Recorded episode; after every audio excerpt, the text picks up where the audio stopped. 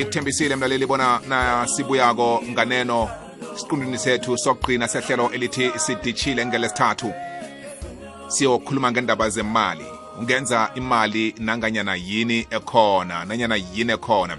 Siqale godu nehlangothi lebhizinisi njengoba na-ke imisebenzi ikhamba iyasithela ikhamba iyaphela eh begodu-ke amabhizinisi amanye akhamba yabogaboga njalo. Kuhle ukuthi silethe abosolwazi abangasilola ngelwazi. Ukwenzela bona-ke sikwazi ukuqinelela nasiragela phambili ngokusimamisa ihlangothi lomnotho. Namhlanje si ngithe angiyokudosa enye yenkutana engiyaziko esisebenza ngazo lezinto zama-small businesses. Ngikhuluma ngamabhizinisi asathuthukako eh mluleki ngisolwazi naziza lapho. Eh begodwa-ke ngiyamthemba ukuthi ilwazi asilethela lona lizosithuthukisa lizosisenza bona sikwazi ukusebenza kuhle. Siza kuba naye qobe ngabo lesithathu ngikhuluma ngo-isaac wakwathubana. Thubana omkhulu lotsha thubana. Mthombothi kunjani? Mnandi mna kwethu kunjani? Yeyi impilo sifonyo mani impilo sifonyo! Akha-ke. mna kwethu ngiyathokoza ukwenza isikhathi ngiyazi kusemini kusema-ofisini kuyaphithizela. Sinemzuzu elithumi nje kwaphela ukuthi silole umlaleli ngendaba zezemali. Namhlanje si ukhethe ukusiphathelana khe sizwe ngawe na uyiqhisako ngiyathokoza kamnandi-ke um baba mthombothi elangela namhlanje. Ngilotshisa kamnandi nabalaleli bekokwez f m. Ngithi kukhanya ba. Namhlanje-ke baba mthombothi ngithe akhe siqale namhlanje sikhulume nganasa into bonyana-ke kuyini i-business idea? Kuyini i-business opportunity and kuyini i-business plan? Yes. Ngombana nange kuhle amabhizinisi amancane esikhathini esiningi aconfusa into ezintathu ezengikhuluma ngazo. Mm. kokuthoma asikhulume nge-business idea. I-business idea mkhumbulo webhizinisi umuntu okumele awenze ukuwenza ngikhuluma ngoku-implement yes. Ukuze umngenisele imali nasi esiyibiza ukuthi i-profit hayi imali kuphela. Yeah. nasi imali esiyibiza ukuthi i-profit yeke-ke angikhulume eh nge-business opportunity. Yini i-business opportunity? I-business opportunity lithuba lebhizinisi olitholileko angenza isibonelo eh asithi kunekhampani ethileko eh ifuna abantu abangabathuthela mhlambe amalahle. Ikhampani yokumayini ifuna abantu engabathuthela amalahle mhlambe iwase e-power station. Wena unetroko lokuthutha amalahle. Na ubona ithuba elinjalo ubona ini? I-business opportunity. Akusiyo i-business idea nayinjalo i-idea ibe lokha na uthenga itroko wekuthomeni bona mbone bene-idea yani yokwenza ibhizinisi yokuthutha. Yes. Ye manje nasowubona i-opportunity sekuyi-business opportunity akusayise-idea mm. ukomi siletha umbuzo ofana nalo ukuthi abantu abaningi bathi nabafika kithi bathi eh mina ngine-business idea ithini i-business idea yakho? Hawa ngifuna ukuthenga eh ngifuna ukuthutha amalahle. Mm. le track akanayo ngaleso sikhathi. Yebo into efana nalo? Yes. Aha. Ngenxa yesikhathi ang- angihabele msinya lapha ku-business plan. Yini i-business plan? I-business plan liphepha namtshana i-booklet namtshana li-document elibhalwe i-action plan bonyana i-business opportunity yakho leya akhe kanjani namtshana i-business idea yakho leya uyoyi- uyoyi- uyoyi-implementa njani uyoyithoma njani into zemali istrength sayo sikuphi i-weakness sayo ikuphi ama-opportunities akuphi. Yeke-ke i-business plan ide khulu izokufuna ulosithatha yawodwa sizokubuya kiyo. Yeah. Angibuyele lapha ku-business idea. I-idea ke le sinemhlobo emibili yama-ideas kunama-ideas a-originally original kuthiwa into lezange ibe khona i-idea kabubu Mm. into leyo siyibiza nge-business idea yakho asithi udevelopa into ezange ibe khona. Yeah leyo idea yakho. And then nakake imhlobo ama-idea ama-idea ande khulu amalanga lana abantu abadla ngawo amalanga la kuthuthukisa lama-idea akhona. Mm. ngikhuluma ngani nangitsho njalo? Ngikhuluma ngokuthi eh angithome lapha ngokuthi uthola umuntu labadithileko endaweni athi mhlambe mina ngifuna ukuvulishisa nyama endaweni ethile. Ngemva kweminyaka emibili or ngemva kwe-six months sekunomuntu oyivulileko bese umuntu athi ubani uthethe i-idea yakho. Mm. uyayibona? Mm. kuhle kuhle ichisa nyama kusiyi-idea yakho. Ama-idea amachisa nyama kade siwabona. Mm. uyayibona into efana naleyo? And then mhlambe ukulibeka lapha ukuthuthukisa esayithini idea yomunye umuntu yichisa nyama. Angazi uba umthombo wethu uyangi- uyangizwisa ngifuna. Ngikhamba nawe sisoke siyakuyisa. Naso-ke eh bese-ke amalanga lana sikhuluma ngama-business idea siqala lapha ama-business idea khulunywa nge-innovation.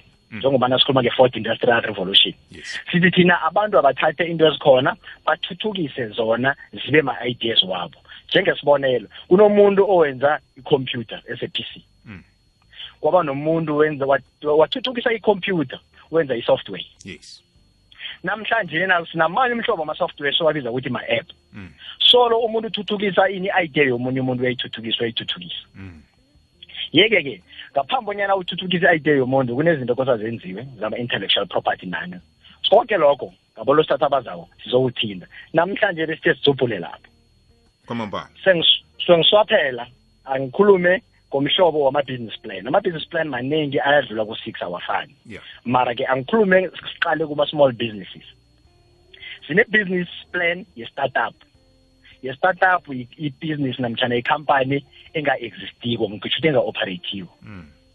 so iyokwenzela i-business plan ye-startup bese kube nenye i-business plan esibiza ukuthi nge-feasibility study Mm. yokucheck-a ubujamo ukuthi le business esifuna ukuyenza ingabereka kule ndawo esifuna ukuyivula kiyo na yeah angithathele isibonelo ngoba omunye umuntu ngenzeka ngiyamchiya Mm.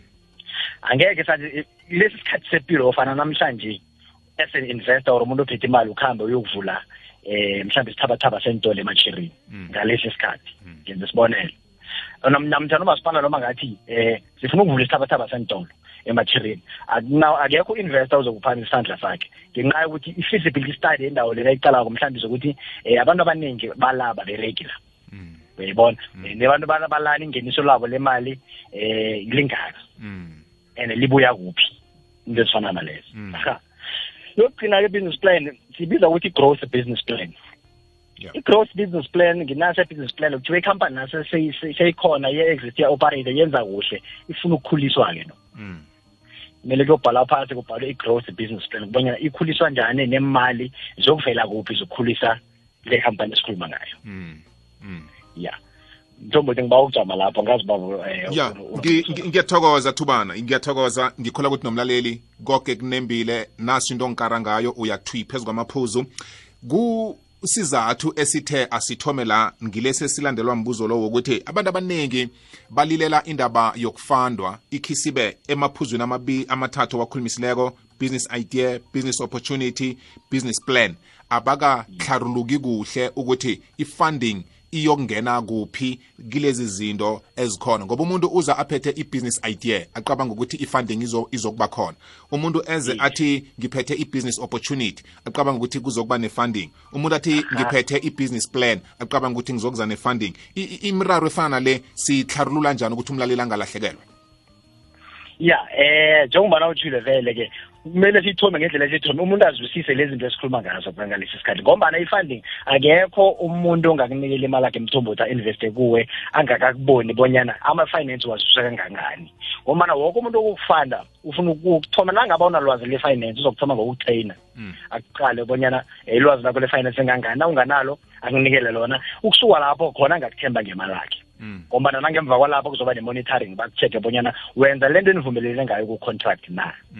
Mm. Mm. angikuthiye ngi- angikuthiye ngikubona-ke lokho-ke angithi mina angina- anginamuntu namtshani um- umnyango wombuso ozokunikela u-hundred thousand u-two hundred thousand u-five hundred thousand wena mhlawumbe ke yakho ibhizinisi ozange ukhona ukumaneja u-five hundred rand yeah ngikho kubalulekile bonyana sibe ne-literacy ye-finance Mm.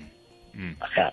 ngiyathokoza eh thubana ngiyacabanga ukuthi sizokuba sokhe ngabo lesithathu kodwa nake umlaleli wami uzokufuna ukuthi akwazi ukuthintana nawe. Mhlambe umhlelele i-email yemibuzo eminye yemibuzo ezokubuya kuye siyiphendule nasibuyako mhlambe uyitholileko ungabanikela i-email address yakho na uchaphulukileko aha i-email address yami ithi isaac tubane at gmail dot com. Isaac tubane at gmail dot com. U-isaac ami umbhala ngo-i s w a c. Uthubane ngu-t h u b a n e at gmail com. Lona ngilandelana lapha ku-twitter ngingu-isaac tubane naku-instagram ngingu-isaac tubane eh angibeke lapho kwanamhlanje mthombothi ngitsho bonyana iveke zako asiqale bonyana kubaluleke ngani ukurejista ikhampani yakho. Uma kumele uyirejiste urejista kuphi uyirejista njani? Nokuthi ngithokozile sokuhlangana iveke zako mna nawe angithi thokoza kamnandi-ke mthombothi kube nelangela emnandi nabalaleli emakhaya. Na ube nemini emnandi njalo kwamambala sidishile mlaleli.